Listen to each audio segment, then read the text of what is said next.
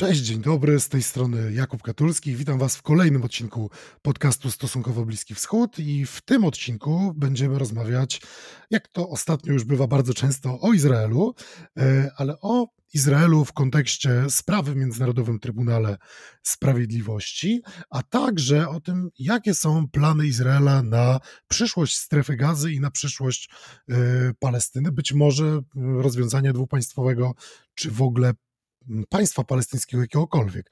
E, a będę rozmawiał o tym z dr Agnieszką Bryc z Uniwersytetu Mikołaja Kopernika w Toruniu. Cześć, dziękuję, że przyjęłaś moje zaproszenie. Dzień dobry, cześć, e, zawsze z przyjemnością dziękuję za zaproszenie. I muszę tutaj oczywiście dodać, że ta rozmowa oczywiście odbywa się także dzięki wsparciu patronów, e, którzy hojnie wspierają ten podcast na patronite.pl, dzięki którym może się rozwijać e, ta rozmowa i takie rozmowy mogą się odbywać. E, I chyba musimy zacząć od tego najważniejszego, dużego pytania. Co Izrael zamierza zrobić ze strefą gazy? Bo pojawiło się dużo różnych doniesień, dużo różnych wątpliwości. Jedne rzeczy mówią politycy izraelscy, inne rzeczy mówi czasami Netanyahu, ale ostatecznie mamy konferencję premiera Izraela w zeszłym tygodniu, e, na której premier mówi, że e, w żadnym powojennym scenariuszu nie przewiduje powstania e, niepodległego państwa palestyńskiego. I czy to rzeczywiście jest tak, że Netanyahu skreślił absolutnie rozwiązanie dwupaństwowe i jakiekolwiek rozwiązanie konfliktu? E, e, no, I to jest kluczowe pytanie, i e, trochę taką odpowiedzią na to jest przeciek, który jakby usłyszeliśmy i dotarł do nas za sprawą administracji Bidena, który stwierdził, a prasa amerykańska to przekazała, że to wcale nie jest tak, że premier Netanyahu nie wyklucza jakiegoś kompromisu w sprawie jakiegoś rozwiązania dwupaństwowego. E, czyli e, Biden zasugerował, że premier Netanyahu gra. To prawda, premier Netanyahu zawsze gra i robi to, e, robi to na najwyższym poziomie, to znaczy jest skuteczny w utrzymywaniu się przy władzy i jest świetnym graczem, więc tego nie można mm, doniesienia podważyć. I dwa, że premier Netanyahu co innego mówi na forum takim publicznym, a co innego mówi za zamkniętymi drzwiami, e, czy rozmawiając telefonicznie z prezydentem Bidenem. Tam nie wyklucza tego, że Izrael będzie, a konkretnie on jako lider, jako premier izraelski, nie wyklucza jakiejś formy e, kompromisu. Więc mamy dwa stanowiska i Czyli sytuacja wygląda tak. Oficjalnie Netanyahu mówi, nie ma takiej opcji. E, jego fakty, znaczy te działania, które podejmuje, potwierdzają to stanowisko, że nie ma takiej opcji. E, natomiast e, dyplomacja amerykańska i administracja Bidena podkreślają, trzymają się swojej wersji, że wbrew pozorom i wbrew dementi strony izraelskiej, opcja jednak jest. I e, okazuje się, że chyba to trzeba po pierwsze zważyć, zobaczyć, która strona, znaczy która, który scenariusz i która opcja e, zwycięży, bo mamy oczywiście argumenty za i przeciw po, po jednej i po drugiej stronie, ale już konkretnie mówiąc. E, prawdą jest, i to potwierdzają też wieloletnie rządy Netanyahu, że on nie jest dzisiaj i nie był w przeszłości zwolennikiem jakichkolwiek konkretnych rozmów z Palestyńczykami. Stąd y, y, często oskarżenia, bardzo głośne ostatnie, ostatnio y, względem Netanyahu o to, że on sam przyczynił się do tego, że powstało zagrożenie ze strony Hamasu, że Izrael skoncentrował się na strzyżeniu trawy, czyli tych co pewien czas interwencji w, w, w strefie gazy przeciwko Hamasowi albo palestyńskiemu islamskiemu dżihadowi. E, ale... Musimy też wspomnieć tutaj, że to, ten termin e, strzyżenie trawy jest bardzo kontrowersyjny i bardzo negatywnie odbierany przez Palestyńczyków, ale nie tylko. Tak jest. Znaczy to, to, to, to pokrótce oznacza taką doraźną interwencję e, armii Izraela, która miała za zadanie zredukować potencjał militarny Hamasu do takiego poziomu, w którym Hamas jako taka organizacja nie zagraża bezpieczeństwu Izraela. I to jakby tak to z takiej perspektywy wojskowi analitycy izraelscy postrzegali te operacje, które miały miejsce co kilka lat w strefie gazy. Ale politycznie dzisiaj zarzuca się Netanyahu, że godząc się, znaczy przyjmując taką strategię strzeżenia trawy, on pozwolił przetrwać Hamasowi, E, utrzymać się w strefie gazy, dozbroić się, czyli Netanyahu był oskarżany nie tylko o to, że nie reagował, ale wręcz nawet o to, że pozwalając na takie trwanie e, Hamasowi, rozgrywał Hamas e, w walce z Netanyahu z, przywództwo, e, z przywództwem autonomii palestyńskiej, czyli konkretnie z prezydentem Abbasem. Więc, e, e, więc problem jest mm, taki, że jakby tutaj Netanyahu wielokrotnie udowodnił, że jest gotowy bardzo zaangażować się w kontrowersyjne działania, tylko po to, żeby nawet rozgrywając różne frakcje palestyńskie, nie dopuścić do tego, żeby autonomia palestyńska była zdolna przekształcić się w pełnoprawne, suwerenne, e, takie kompletne państwo. Więc to był cel nadrzędny i widać, że Netanyahu, y, zresztą on kiedyś na początku swojej kariery politycznej sam zresztą stwierdził, że prawda, zapytano o to, czy widzi y, państwo palestyńskie, mówi państwo palestyńskie, nie na mojej, e, jakby nie na mojej wachcie, prawda? Nie, nie, nie, nie wtedy, kiedy jestem, e, kiedy stoję na szczycie władzy. To, to jest jedna kwestia, natomiast, e, czyli tak, Netanyahu potwierdza swoimi działaniami, że e, e, będzie robił wszystko, żeby nie, żeby nie doprowadzić do, do jakichkolwiek poważnych rozmów na temat powołania państwa palestyńskiego. To jest e, jedna kwestia. Druga kwestia jest też taka, że Netanyahu e, nie chce powołania e, czy w ogóle rozmów na temat Palestyny, ponieważ nie chcą tego jego koalicjanci. A ci koalicjanci, już niejednokrotnie o tym rozmawialiśmy, czyli politycy skupieni w, w, w, takiej koalicji religijnych sionistów, a przede wszystkim tych dwóch dżentelmenów Ben Gvir i Smotrich, y, którzy trzymają koalicję, trzymają Netanyahu w garści, nawet nie życzą sobie rozmów pokojowych, to jest jakby, to jest powiedzieć nic, tak? Jakby to, to to, to, to Smotrich i Ben Gwir są tymi politykami, którzy najchętniej doprowadziliby do y, aneksji terytoriów palestyńskich. Zresztą to był także powód tego wielkiego rabanu w ostatnich y, y, relacjach amerykańsko-izraelskich, kiedy obaj panowie wypowiadali się na temat właśnie tego, że trzeba nie tylko dokończyć wojnę w Gazie, ale także trzeba Gazańczyków e, stamtąd wysiedlić e, i wprowadzić, i to już chyba mówił Smotrich z tego co pamiętam, i ponownie wprowadzić tam e, osadnictwo żydowskie. Takie wypowiedzi, pewnie o tym porozmawiamy, zakwalifikowały, czyli dodają argumentu, to czy stają się argumentami w kampanii przeciwko Izraelowi e, przed Trybunałem Sprawiedliwości, ale można by powiedzieć, że jakby to, te, podsumowując ten punkt, koalicjanci Netanyahu, od którego, od których Netanyahu jest uzależniony, nie życzą sobie i w ogóle nie, nie zakładają jakichkolwiek kompromisów dwupaństwowych, ani jakichkolwiek widoków na państwo palestyńskie w przyszłości. To jest druga kwestia. Trzecia kwestia, Netanyahu walczy o swoje przetrwanie polityczne i przetrwanie też można by powiedzieć fizyczne. E, a e, tak długo, jak będzie trwała wojna, tak długo Netanyahu jest w stanie grać swoją grę polityczną, to znaczy prowadzić swoistą kampanię przyszłą, być może wyborczą, e, w której jest w stanie przeciągać wojnę, to znaczy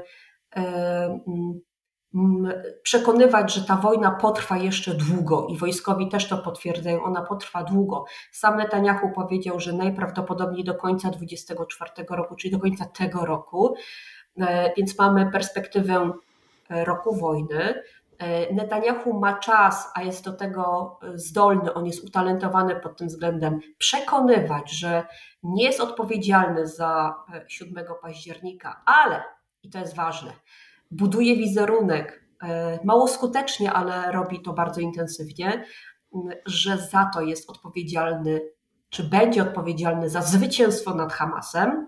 Tak? Czyli on mówi, tak, ponoszą odpowiedzialność, ale nie za porażkę i za to wielkie zaskoczenie, tą wielką tragedię z 7 października, ale to ja będę tym, który będzie autorem wielkiego sukcesu, wielkiego zniszczenia e, Hamasu. E, więc e, Netanyahu próbuje grać wojną, żeby zachować swoje stanowisko premiera albo w ogóle swój byt polityczny. Do tego potrzebuje czasu, a ten czas daje mu wojna i daje mu zaangażowanie militarne. I najważniejszy tutaj w tym momencie, także aspekt w, tej, w, ty, w, ty, w tym elemencie, to jest to, że Netanyahu wie, że e, musi przetrwać do listopada tego roku, czyli do wyborów prezydenckich w Stanach, E, ponieważ to będzie e, z perspektywy samego Bibiego taki game changer, czyli jeżeli wygrałby Donald Trump, wówczas całkowicie zmienia się sytuacja Netanyahu, e, ponieważ w Białym Domu fotel prezydenta przejąłby polityk skrajnie prożydowski, nie tylko proizraelski, ale skrajnie prożydowski, który będzie w stanie pójść bardzo na kontrowersyjne powiedzmy, y, znaczy podjąć bardzo kontrowersyjne decyzje, takie, które być może będzie podpowiadał Netanyahu, który raczej będzie skłonny zaangażować się w jakąś konfrontację z Iranem e, i będzie wspierał Netanyahu, tak jak to robił podczas swojej pierwszej e, prezentury. Krótko mówiąc, e, e, Netanyahu wie, że musi zrobić wszystko, żeby dotrwać do wyborów amerykańskich, bo to jest szansa na to, żeby utrzymać się przy władzy. Musi więc e, grać bez względu na to, jak dzisiaj na przykład bardzo frustrują się Amerykanie, jak bardzo naciska na Netanyahu, czy sam prezydent Biden, czy, czy, czy, czy Antony Blinken. Dlatego Netanyahu jedno mówi Amerykanom, że tak, oczywiście zawsze pewna forma negocjacji czy kompromisu jest możliwa, a w rzeczywistości bezwzględnie robi swoje, czyli prawda, przyjeżdża walcem e, przez strefę gazy, nawet pozwalając na takie wypowiedzi swoich koalicjantów, które zaprowadziły Izrael przed Międzynarodowy Trybunał Sprawiedliwości. Dziękuję za tą syntezę. Właściwie wielu najważniejszych rzeczy, które się dzieją w tym momencie. E, ale musimy się zatrzymać e, chwilę nad tymi słowami Netanyahu, jeszcze tego, co one mogą przynieść, bo mm, Netanyahu też nie jest pierwszym politykiem, który mówi, e, czy, czy dyplomatą izraelskim, który mówi, że to rozwiązanie dwupaństwowe to tak niekoniecznie e, leży gdzieś e, w zakresie zainteresowań państwa żydowskiego. Zresztą już e, łapano w tej kadencji, w poprzednich kadencjach, lata temu ambasadorów Izraela w Europie, między innymi Cipi Hotoweli, ambasadorka Izraela w Wielkiej Brytanii, słynęła z tego, że mm, kiedy grillowali ją wielokrotnie brytyjscy dziennikarze, mm, unikała jak ognia odpowiedzi na pytanie, czy w ogóle rozwiązanie dwupaństwowe dalej jest yy, rozwiązaniem konfliktu, który jest na stole i jest rozpatrywany przez państwo żydowskie. I to jest e, taki moment, w którym też spora część e, mm, europejskich mediów zaczęła się zastanawiać, czy może jednak nie jest tak, że rzeczywiście Izraelczycy także nie są zainteresowani rozwiązaniem, mimo że cały czas gdzieś pojawiały się te komunikaty, że tak naprawdę to Izraelczycy są zainteresowani pokojem, ale Palestyńczycy sabotują rozwiązania, a może jednak w istocie to żadna ze stron nie jest, nie jest zainteresowana pokojowym zakończeniem tego konfliktu. Mm, I to, co wydaje mi się tutaj bardzo istotne, to to, że y, moment, w którym Netanyahu mówi, że nie jest zainteresowany w żadnym powojennym scenariuszu e, rozwiązaniem dwupaństwowym, nawet jeśli to nie jest prawda, nawet jeśli to jest tylko gra polityczna, e, być może gra polityczna z Arabią Saudyjską, mająca na celu jakieś wymuszenie e, przez Riyad ustępstw i normalizację relacji z Izraelem, po to, by dalej Riyad mógł pozycjonować się jako duchowy przywódca świata arabskiego, Trudno powiedzieć, co Netanyahu chce tym osiągnąć, natomiast wydaje mi się, że mm, mówiąc takie hasła w trakcie wojny, Netanyahu też daje znak Palestyńczykom, a być może tym najbardziej radykalnym frakcjom palestyńskim, że to jest moment, żeby być może zdwoić wysiłki w tym, w tym konflikcie, być może zintensyfikować działania przeciwko Izraelowi, bo tak naprawdę, jeśli duża część mm, działań Hamasu, palestyńskiego islamskiego dżihadu, czy ich popularność wśród Palestyńczyków jest motywowana taką beznadzieją, tym, że Palestyńczycy trochę stracili yy, jakiś widok na to, że sytuacja się może zmienić w przyszłości. I z drugiej strony przywódca Izraela pokazuje im tak, rzeczywiście, no nie możecie mieć już nadziei, no to właściwie można by się zastanawiać, czy jednak dla tych Palestyńczyków z ich perspektywy nie jest logiczne, żeby intensyfikować te działania, no bo skoro my nie możemy mieć już nadziei na pokojowe rozwiązanie, to cóż nam innego pozostaje. W związku z czym, jeśli rzeczywiście zaogni się ta sytuacja, no to można by pomyśleć, że premier Netanyahu pośrednio byłby odpowiedzialny za e, zaognienie tego, a na pewno jeśli nawet nie byłby odpowiedzialny, no to można by uznać, że rzeczywiście te słowa wypowiedziane w tym momencie e, no są może nieprzemyślane do końca. Może to nie są jednak słowa, które powinny padać e, w momencie konfliktu z Palestyńczykami. Ale pamiętajmy, że Netanyahu ciągle gra o to, żeby trwać i żeby mm, maksymalnie przedłużać, to znaczy tak długo, jak będzie mógł tę wojnę, więc mm, Netanyahu zasunął z bardziej kontrowersyjnych y, mm, wypowiedzi. Y, i wydaje mi się, że wszystko to, co będzie podtrzymywać konflikt, premier Netanyahu, ja nie wiem, że on to inspiruje, ale on może na tym korzystać, prawda? Bo y, czas niepokoju, czas wojny nie będzie tym czasem, w którym Izrael zdecyduje się na wybory, bo to one odsunęłyby Netanyahu od, od, od władzy. Więc tak długo, jak będzie albo bezpośrednia E, wojna, czy, czy ta faza bezpośredniej interwencji w strefie gazy e, będzie dawało Netanyahu powód do tego, żeby prawda, cały czas utrzymywać gabinet wojenny, żeby, żeby, żeby nie dopuszczać takiej możliwości E, wcześniejszych wyborów i tak dalej, i tak.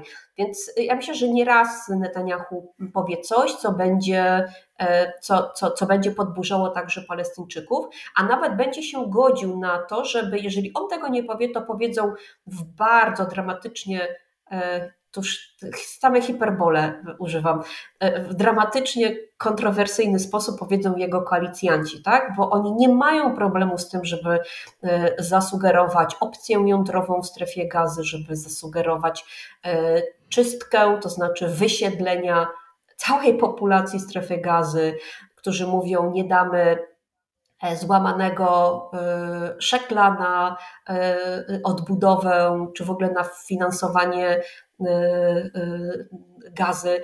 I to jest, i to jest że zamiast, do, zamiast pomocy humanitarnej do gazy powinny trafiać bomby. No więc właśnie. Takie hasła tak. padały. I, I, to jest tak, że to, czego Netanyahu jako sprawny polityk nie chce powiedzieć, chociaż zakładamy, że, go, y, że to nie jest nic nowego w, w jego przekonaniach, to powiedzą jego koalicjanci. I, a zawsze można się wyprzeć i tak też dzisiaj mówią, y, mówi, mówi Netanyahu, to nie ja powiedziałem, to powiedzieli indywidualni politycy. Y, ale y, ważne tutaj w tym wszystkim jest to, jakby kluczem i tą nadzieją, która być może jest, ona może jest płodna, my tego nie wiemy.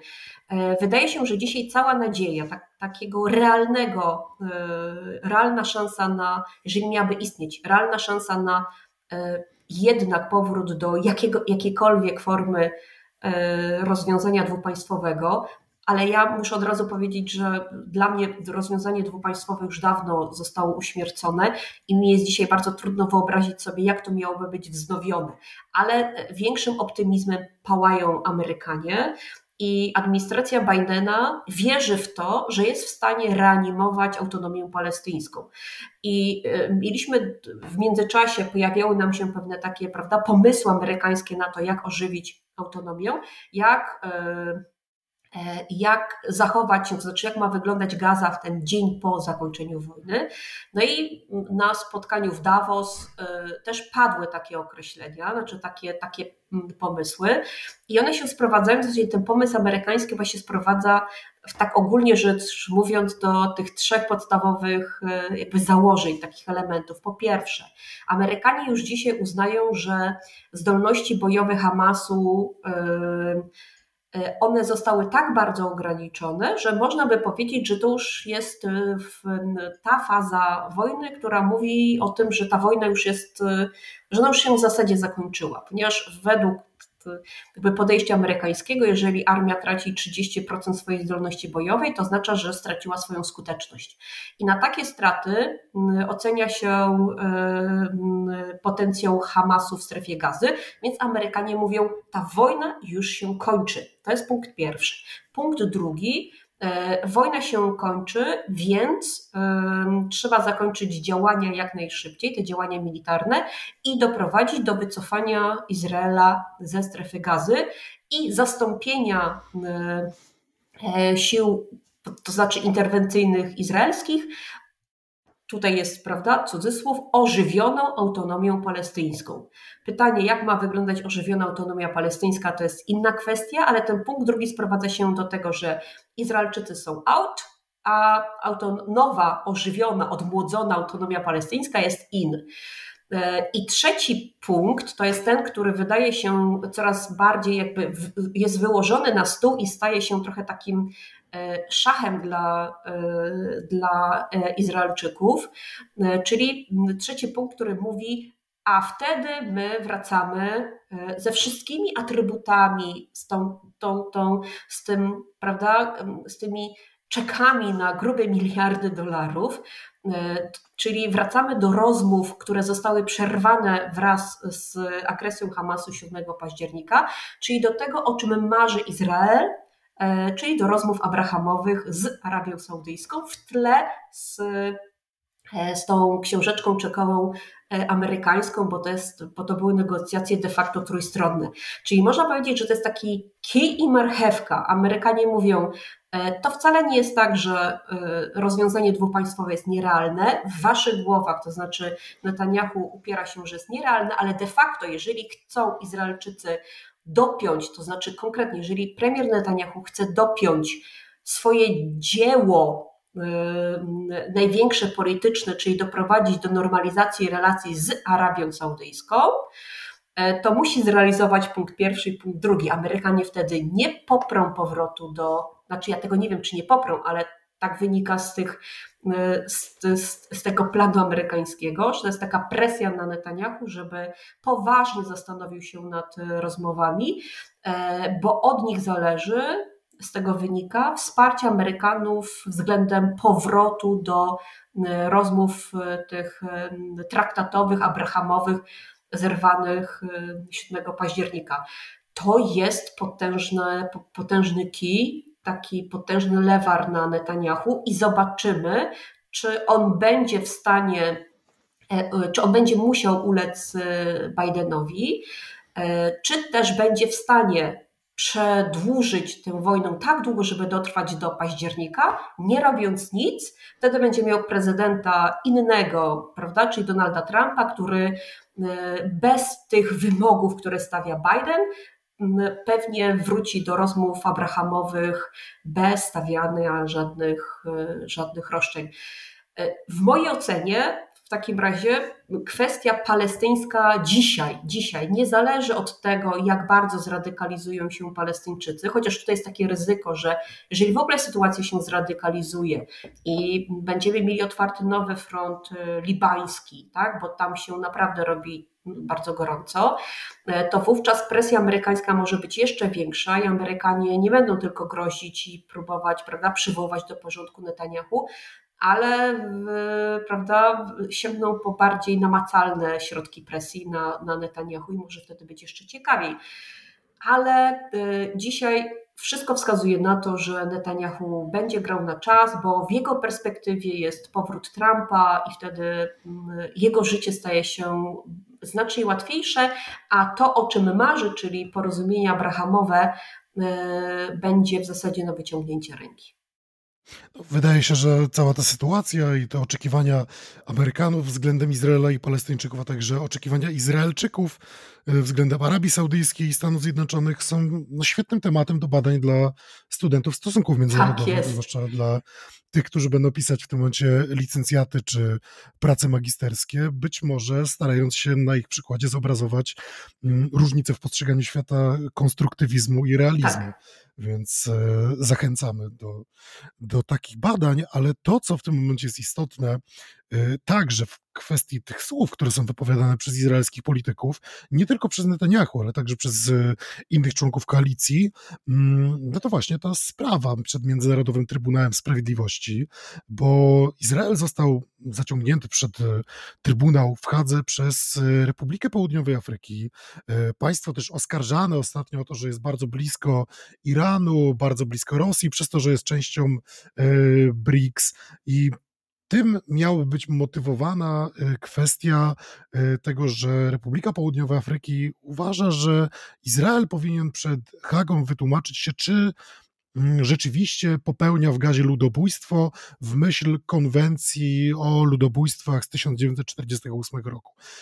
Na chwilę obecną Trybunał zastanawia się, czy mm, skarga Republiki Południowej Afryki rzeczywiście yy, ma zastosowanie w myśl tej konwencji? Jeśli tak, i cała ta kwestia może być rozpatrywana przez pryzmat konwencji 48, to zostaną zastosowane środki zapobiegawcze, i być może zostanie wydany przez Międzynarodowy Trybunał Sprawiedliwości sądowy nakaz powstrzymania wszelkich działań zbrojnych, e, który co prawda będzie aktem wiążącym prawnie, no to sąd jednak nie ma możliwości wyegzekwowania go, więc Izraelowi grożą głównie konsekwencje reputacyjne.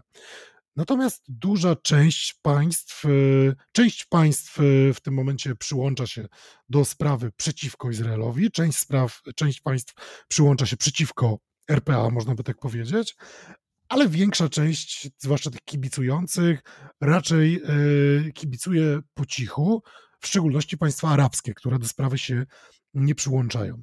Tylko zanim rozstrzygniemy to, dlaczego jeszcze te państwa się nie przyłączają, no to czy jest możliwe, że słowa izraelskich polityków, którzy właśnie przypuszczają, że, czy, czy, czy może zachęcają do zastosowania opcji atomowej w gazie, czy mówią, że zamiast pomocy humanitarnej do gazy powinny płynąć bomby, czy mówią, że gazę trzeba zrównać z ziemią, a Palestyńczyków wysłać na pustynię. E, czy to są też te wypowiedzi, które będą brane pod uwagę przez sędziów w Hadze jako ewentualnie dowód na to, że rzeczywiście możemy mieć mowę możemy mówić o ludobójstwie, no bo ludobójstwo jest aktem zamierzonym. I o ile rzeczywiście działania zbrojne same w Izraelu, choćby nawet ich efektem była śmierć wielu tysięcy Palestyńczyków, no to jeśli nie udowodni się tego, że zamierzonym jest e, eksterminacja tych osób zabitych, e, że to jest zamierzony cel operacji, no to nie możemy mówić o ludobójstwie, ale jednak jeśli tutaj mamy takie podgrzewanie ze strony tych radykalnych polityków, no to być może jednak sędziowie będą skorzy e, stwierdzić, że rzeczywiście tutaj mamy do czynienia z ludobójstwem. E, być może i jakby ten sam proces jest ważny przede wszystkim w takim wymiarze symbolicznym, bo on w tym wymiarze może najbardziej uderzyć w Izrael. E, czyli Netanyahu pozwalając na to, zresztą sam opowiadając często tak kontrowersyjne rzeczy, jak pamiętamy takie przywołanie historii Amaleka, e, czyli zasugerowanie, żeby zabijać wszystkich kobiet i dzieci, mężczyzn, niszczyć dobytek. E, odwołał się do prawda, tej biblijnej z naszej perspektywy historii takiego zażartego, legendarnego wroga e, Izraelitów. E, wszystkie takie wystąpienia, czy Netanyahu, czy Ben-Gwira i Smotricza, czy te, które mówią o opcji atomowej, czy żołnierzy, prawda, tak e, fetujących, fetujących skuteczne operacje w strefie gazy, taki skandujący, prawda, radość ze zniszczenia czy wyplewienia nasienia, e, znaczy nasienia Amaleka. E, w domyśle tym Amalekiem dzisiaj są Palestyńczycy, czyli tym wrogiem, którego należy zlikwidować bezwzględnie do ostatniej, jakby do ostatniego przedstawiciela. E, to wszystko powoduje, że Izrael dzisiaj ma kłopot z tłumaczeniem, znaczy z wytłumaczeniem się względem tego, że te działania, które są podejmowane w strefie gazy, nie wynikają z zamiaru, czyli z planowanego, splanowanej eksterminacji Palestyńczyków. My wiemy, znaczy studiując prawo międzynarodowe, to jest trochę łatwiej, bo ma się pewne podstawy i my rozumiemy, zresztą Państwo, słuchacze, widzowie również, jeżeli jakby gdzieś tam zetknęli się z tymi zagadnieniami, to my wiemy, że to, co się dzieje w strefie gazy, to są zbrodnie wojenne, ale na dzień dzisiejszy e, to, to nie, jakby to, to, co się tam dzieje, pomimo licznych kontrowersji, nie jest ludobójstwem. Tak? Jakby to, to, to, też nie jest, e, to, to też nie jest takie bardzo proste, mówiąc o tym, że mm, e, prawda, każde zabójstwo jest ludobójstwem. Nie. I Izrael stara się udowodnić, że nie miał takich planów, po pierwsze, jest, ma prawo do samoobrony, to jest pierwszy argument. Drugi argument jest taki, że te takie kontrowersyjne wy, wy, wypowiedzi e, różnych polityków, w tym samego Netanyahu, są wypowiedziami indywidualnych polityków, a nie stanowiskiem rządu. I po drugiej stronie RPA e, próbuje wskazać, że tu nie chodzi o aktualne tylko i wyłącznie wypowiedzi, ale chodzi o w ogóle sam pomysł i samą strategię e, Izraela względem Palestyńczyków, czyli ten wieloletni impas, e, stosowanie praktyk takiego prawda, politycznego apartheidu, i tak dalej, i tak dalej. Więc to trochę z jednej strony Izraelczycy w, w, w, obronie zawężają, czyli pokazują bardzo konkretne przykłady, a strona RPA pokazuje, że to jest pewien system, czyli ten zamysł polega E, znaczy wynika z systemu, a nie z tych bieżących tylko licznych wydarzeń. Ale od tego jest 15 sędziów plus jeden sędzia izraelski, tak, bo Izrael miał do tego prawo, żeby dokoptować swojego sędziego do tego pełnego składu MTS-u. E, Myślę, że musimy tutaj wspomnieć, kto to jest, bo to jest bardzo istotna. Tak postać przecież w kontekście tego, co działo się na początku zeszłego roku. Tak. Netanyahu, i to też pokazuje, jak potrafi być elastyczny Czyli y, to też sugeruje, że jeżeli y, Biden znajdzie argumenty, czyli znajdzie ten odpowiedni y, lewar na Netanyahu, to premier Netanyahu będzie w stanie ugiąć się w każdej sprawie, także w sprawie jakiegoś kompromisu w, w, w temacie rozwiązania dwupaństwowego. E, tutaj wiemy, że wrogiem numer jeden Netanyahu od kilku lat byli sędziowie. Stąd e, protesty na ulicach w obronie reformy, która niszczyła i ciągle ma zamiar zniszczyć izraelską praworządność. Natomiast jeżeli przyszło do procesu, czy tej sprawy tej petycji RPA przed MTS-em, Netanyahu nie, nie bał się sięgnąć po swojego w zasadzie wroga numer jeden, czyli jednego z liderów, taki ogromny autorytet e, e, całego środowiska sędziowskiego, sędziowiska prawni, e, środowiska prawników izraelskich, czyli byłego szefa, przewodniczącego tego szefa Sądu Najwyższego, e, jakby nie miał skrupułów przed tym, żeby, żeby mianować go e, sędzią, przedstawicielem, e, tym sędzią izraelskim w tym składzie 15 sędziów w MTS-ie. Natomiast. Tak, no, Aaron Barak jest w ogóle tutaj bardzo ważną postacią, też dlatego, że jest, y, że o niego się rozbijały te protesty mm, na początku roku, tak. dlatego, że to przecież Aaron Barak jest autorem tej interpretacji yy, praw podstawowych tak. Izraela, która sprawiła, że to Sąd Najwyższy Izraela sam sobie nadał uprawnienia do rozpatrywania konstytucyjności e, przepisów. Tutaj naszych słuchaczy odsyłam do rozmów e, w tym podcaście z początku roku 2023. Mm, parę pierwszych miesięcy właściwie skupiało się na tym, co się dzieje w Izraelu. No i tam też nazwisko Aaron Barak się pojawia właśnie w kontekście e, tego, że to Aaron Barak jest autorem reinterpretacji izraelskich praw podstawowych jako przewodniczący Sądu Najwyższego, no a z właśnie tego mm, wroga numer jeden, który mm, był twarzą izraelskich protestów, czy jedną z twarzy izraelskich masowych protestów, no dzisiaj ma bronić nie tylko Izraela, ale także tak naprawdę ma bronić politycznych decyzji Netanyahu tak. w Międzynarodowym Trybunale Sprawiedliwości. Co więcej, przez media związane z Netanyahu o, o, określany jest już nie tym, prawda, diabłem, tutaj cudzysłów, tym wrogiem numer jeden, e, tym zdrajcą i deep state, izraelskim, tylko jest już znowu wielkim autorytetem, niepodważalną figurą, kimś, kto głosi, prawda, kto jest dowodem na wielkość Izraela na arenie międzynarodowej, bo faktycznie Barak był uznany także przez e, szerokie kręgi prawników międzynarodowych. Znaczy to, to, to naprawdę jest wielka figura.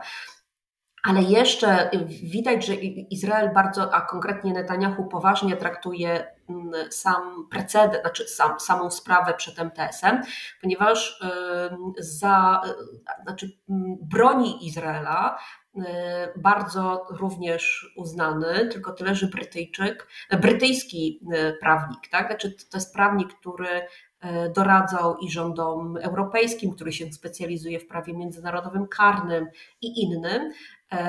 Więc można by powiedzieć, że Netanyahu czuje wagę sprawy, i dobrał, e, czyli wybrał mm, naprawdę najlepszych specjalistów i traktuje sprawę poważnie.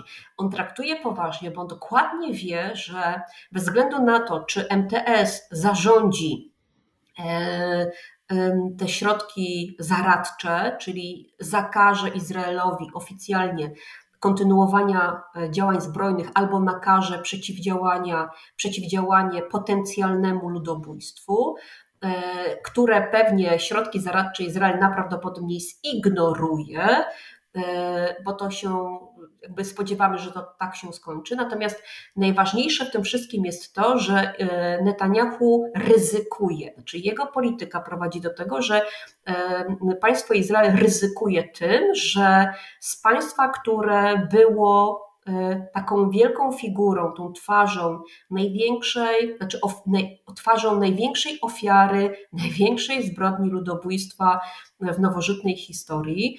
Wiem, że Ormianie by się tutaj, Ormianie tu natychmiast zaprotestują, ale krótko mówiąc, e, e, z państwa, które jest ofiarą Holokaustu, stanie się symbolicznie albo zmieni się w państwo, które odpowiada za, czy potencjalnie będzie odpowiadało za ludobójstwo na e, e, Palestyńczykach. To będzie, to będzie uderzało w fundamenty państwa Izrael i z tego powodu jest to szalenie groźne. Czyli bez względu na to, jaki zapadnie ten pierwszy, jaka zapadnie pierwsza decyzja w sprawie tych środków zaradczych, albo jaki będzie e, wyrok za kilka lat, bo ta sprawa potrwa kilka lat, Izraelowi grozi utrata wizerunku prawda, tego państwa wyjątkowego pod względem e, ofiary Holokaustu. Z tym igra Netanyahu, znaczy on e, w imię własnych doraźnych celów, czyli tego, żeby uniknąć więzienia, jest w stanie nie tylko przedłużać niepotrzebną wojnę, taką niepotrzebną na zasadzie takiej, że E, jednak można walczyć z Hamasem, a jednocześnie rozmawiać z Palestyńczykami na temat ostatecznie rozwiązania jakby istoty problemu, czyli, czyli braku państwa palestyńskiego, ale jednocześnie Netanyahu idzie na eskalację i pozwala sobie na takie wypowiedzi, które ryzykują tym, że Izrael przestanie być tym państwem, które kojarzone jest właśnie z tą wielką tragedią wielkiej zbrodni ludobójstwa XX wieku. Tutaj jeszcze jest jedna istotna bardzo kwestia, bo konstrukcja Międzynarodowego Trybunału Sprawiedliwości, e, czy właściwie statut Międzynarodowego Trybunału Sprawiedliwości, pozwala różnym państwom włączać się jako tak zwane strony trzecie mhm. w sprawy. Zwłaszcza jeśli e, to są sprawy zgłaszane przez państwa, które nie są bezpośrednio dotknięte, na przykład skargą, i tak jest w przypadku e, kwestii RPA, no bo RPA składa skargę, mm, domagając się wypowiedzi MTS-u w kwestii wykładni prawa międzynarodowego Narodowego. No i różnego rodzaju państwa przyłączają się albo w obronie Izraela, albo przeciwko Izraelowi, ale jakoś te państwa arabskie, czy to reżimy yy, autorytarne, monarchie, yy, jakoś nie chcą się włączyć po żadnej ze stron.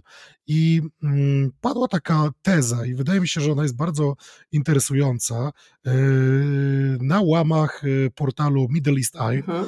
Yy, zgłosił ją redaktor Arabia 21 yy, Feras Abu Helal, yy, który wypowiada, że mm, jego zdaniem chociaż państwa arabskie i społeczności państwa arabskie kibicują zdecydowanie Palestyńczykom, Republice Południowej Afryki, żeby jednak Międzynarodowy Trybunał Sprawiedliwości uznał, że rzeczywiście Izrael popełnia zbrodnie ludobójstwa.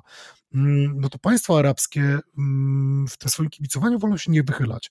A wolą się nie wychylać dlatego, że za chwilę może się okazać, że jeśli Międzynarodowy Trybunał Sprawiedliwości uzna Izrael za państwo dokonujące ludobójstwa, to może się on też przyjrzeć temu, co Egipt robi w kwestii gazy i czy to także nie jest ludobójstwo, a może czy Syria nie popełniała ludobójstwa, albo może Maroko w kwestii Sahrałich. I nagle się okaże, że większość, że wiele państw arabskich, może z większością tu byśmy się zapędzili za bardzo, ale że wiele państw arabskich mm, popełnia podobne zbrodnie mm, na mniejszą skalę, może innymi metodami, ale to uzasadnia trochę, dlaczego tyle państw arabskich swoje wsparcie dla Palestyńczyków wyraża raczej retorycznie, raczej medialnie, niż rzeczywiście politycznie. I czy zgodziłabyś się tutaj z panem redaktorem, że rzeczywiście może być tak, że Arabowie, że państwa arabskie obawiają się, tych, że te oskarżenia zostaną też skierowane w ich stronę i że to jest miecz obusieczny, no bo jest jakieś uzasadnienie,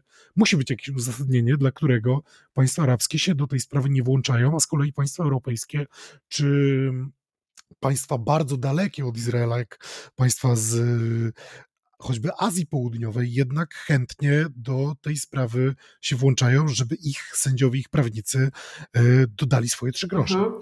I e, czy to jest, e, to jest teza do weryfikacji, ale warto się nad nią zastanowić i ja bym powiedziała, że tam jest dużo słuszności, bo problem z krajami arabskimi polega właśnie na tym, że one kierują się takim trochę podwójnym myśleniem, taką, można by powiedzieć, pragmatyką sytuacyjną. To znaczy, oficjalnie w deklaracjach są bardzo propalestyńskie, e, natomiast w rzeczywistości kibicują Izraelowi e, w sprawie Hamasu, to znaczy kibicują, dają zielone światło. E, zielone światło w tym sensie, że zobaczmy, nie tylko Egipt zamknął, to znaczy, wróćmy, przerwałam myśl w środku zdania, czyli dają zielone światło do tego, żeby Izrael dokończył rozprawę z Hamasem. I to jest kwestia po pierwsze ich stosunku do e, Hamasu i w ogóle Palestyńczyków, którzy często rezydują w ich krajach, i to wiąże się z taką podejrzliwością E, wielu arabskich rządów względem swoich palestyńskich rezydentów, społeczności wysoce politycznie zorganizowanej, e, często dobrze wykształconej, aktywnej i często pro, po, powodującej e, pewne problemy polityczne. Tak? Więc z jednej strony taka braterska arabska solidarność nakazuje wspierać Palestyńczyków, ale nic nie stoi na przeszkodzie, żeby odwrócić wzrok, znaczy zamknąć oczy, odwrócić wzrok E, od tego, co się dzieje w strefie gazy i pozwolić e, Izraelowi zrobić swoje. E, to też by się wiązało prawda, z rozwiązaniem pewnych kłopotów tam na miejscu, w, w, w tych krajach, w których znajduje się liczna diaspora palestyńska. I to jest tragedia w ogóle samych Palestyńczyków. To także się wiązało z tym, że zobaczmy, przez wiele lat, absolutnie, ja tutaj przesadzam, ale to też pokazuje pewien mimo wszystko trend przez wiele lat, y, jak państwa arabskie przejmowały się losem Palestyńczyków, prawda? Jakby kwestia państwa palestyńskiego, rozmów pokojowych stała się w ogóle pięciorzędna. Czy to nie był istniejący w ogóle temat?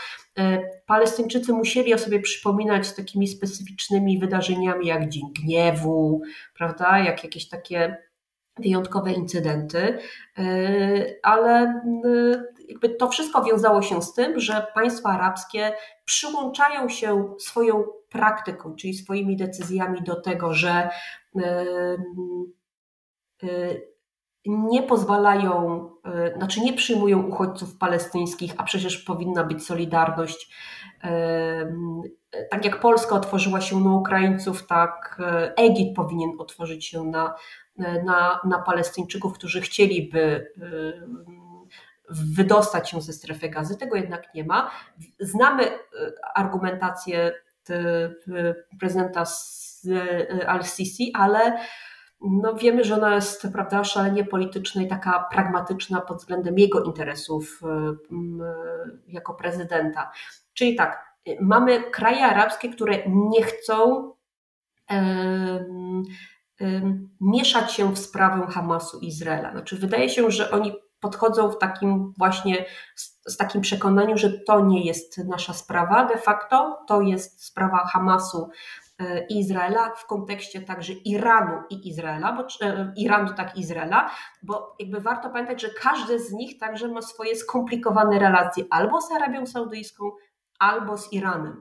Więc y, albo jeszcze oprócz tego y, naciskani są także przez Amerykanów. Stąd takie zachowanie często z dystansem, e, które no, jakby powoduje, że także w sprawie MTS-ów rządy arabskie wolą siedzieć cicho, bo patrz, punkt pierwszy, teza dziennikarza z Middle East Eye, punkt drugi, to jest ten bazar, prawda, bliskowschodni. Znaczy są interesy, doraźne interesy długofalowe. Znaczy lepiej przeczekać i nie poparzyć sobie wyciągając kasztanów nie ze swojego ogniska. E, e, nie dziwi nas takie podejście i to jest w zasadzie kontynuacja tego, co, co, co robią kraje arabskie względem, względem Palestyńczyków od wielu lat, więc e, można by powiedzieć, że załatwiają sprawę nie swoimi rękoma. Tutaj musimy chyba postawić kropkę w kwestii tego, co dzieje się y, no w tym momencie w Izraelu, w Gazie czy w Międzynarodowym Trybunale Sprawiedliwości. Bardzo dziękuję Ci za rozmowę no i w imieniu naszych słuchaczy.